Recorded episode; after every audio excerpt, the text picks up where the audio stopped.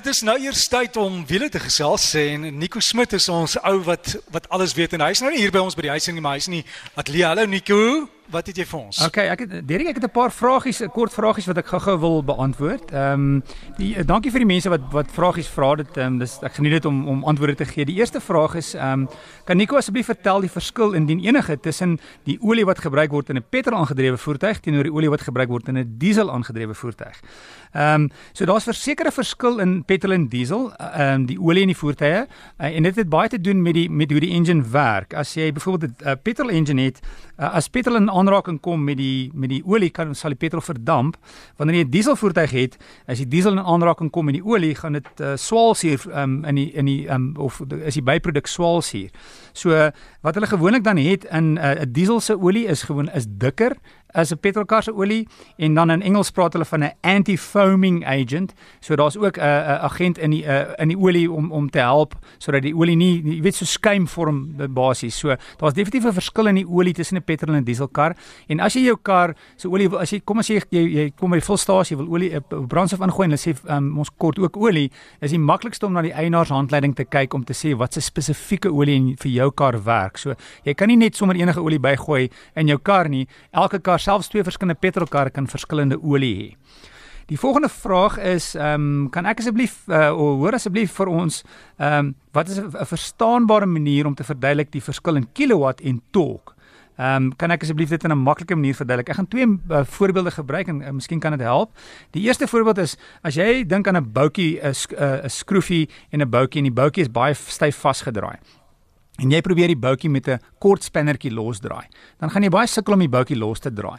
Ehm um, so hoe sterk jy is is is is kilowatt, met ander woorde hoeveel krag jy kan kan kan kan vorentoe druk die die wrinkrag of die torque is hoe hoe lank die spanner is. So as jy kort spannertjie het, dan kan jy dit nie regtig reg kry nie. Waar as jy baie lank spanner vat en jy druk, dan is dit baie maklik om die boutjie los te maak. So hoe sterk ek kan vorentoe druk is die kilowatt of die krag en daai daai daai daai daai krag oor 'n radius afstand is die torque of die wrinkrag. Of 'n ander voorbeeld as as ek dink, kom ek druk 'n deur wat toe is en ek wil die deur oop druk, gaan ek by die skanier druk of gaan ek by die by die slot druk? As jy by die skanier druk, hoe hard ek druk is die kilowatts en daai omdat ek naby die skanier is, het ek nie baie wrinkrag nie.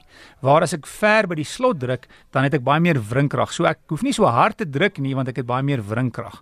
Wat dit vir my beteken as ek 'n kar koop, is ek sal eerder kyk na die wrinkrag of die torque wat 'n kar het in plaas van die kilowatt want ehm, 'n uh, kar met baie meer wrinkrag of torque is baie makliker om te bestuur. Ek hoef nie die engine revolusies hoog op te kry om die volgende rad te verander nie. So die kar ehm um, gaan dit gaan ook help met my brandstofverbruik. As ek 'n kar soek wat vinnig is, so ek soek 0 tot 100, ek soek versnelling, ek soek 'n hoë topspoed, ek soek baie krag om verby te kan gaan, dan soek ek kilowatt. So enigiets gemeet teen tyd is gewoon 'n kilowatt en hoe maklik die kar is om te bestuur en in Engels praat hulle van drivability is dan my wrinkrag.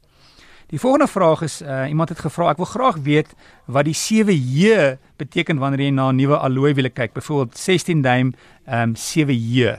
So die J spesifiek ehm um, verwys eintlik na die as jy kyk na die band en jy kyk na die die mag ehm um, J gaan oor watse watse vorm die band gaan hê teenoor die die die Engels praat ons van die mag. Watse vorm die band gaan hê teenoor die mag. So Alle passasiersvoertuie gebruik hulle gewoonlik die letter J. So jy hoef nie bekommerd te wees as jy 'n voertuig koop nie want daar's verskillende letters en passasiersvoertuie is gewoonlik die letter J. Met ander woorde die vorm van die band en hoe die band dan seël teenoor daai die mag aan die binnekant. So as jy die, as jy 'n band afhaal, dan sien jy mos hy het so snaakse patroontjie aan die binnekant van die band. Dis daai verwysing is gewoonlik 'n J en dan die tipe voertuig wat jy het gaan ander um letters gebruik. So as jy byvoorbeeld 'n vragmotor gebruik, gaan dit dalk 'n E wees. En as jy gewoonlik 'n swaar vragmotor gebruik, gaan dit dalk 'n G of 'n H wees. So passasiersvoertuie is gewoonlik almal 'n J. So as jy nie seker is nie, gewoonlik die letter J is is die regte ene.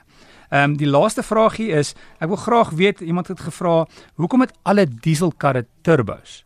So um, vir ek sê vandag sien omtrent sê 70% of 60% van petrolvoertuie turbos en omtrent alle diesels is turbo diesels. Nou 'n diesel ons het nou gepraat van windkrag. Dieselvoertuie het gewoonlik baie wrinkrag. So 'n diesel uh, um 'n bakkie diesel het gewoonlik hy het regtig baie wrinkrag, maar kom ons sê die bakkie, die dieselbakkie het nie baie torque of uh, of hy het nie baie kilowatts nie. So alhoewel hy baie wrinkrag het, so jy kan maar 'n swaar vrag oplaai, die dieselbakkie voel nie baie vinnig nie maar hy kan nog steeds die die die swaar vrag maklik sleep. Wanneer jy 'n kar koop, wil mense ook bietjie die gevoel van krag hê en hulle wil die gevoel van versnelling hê.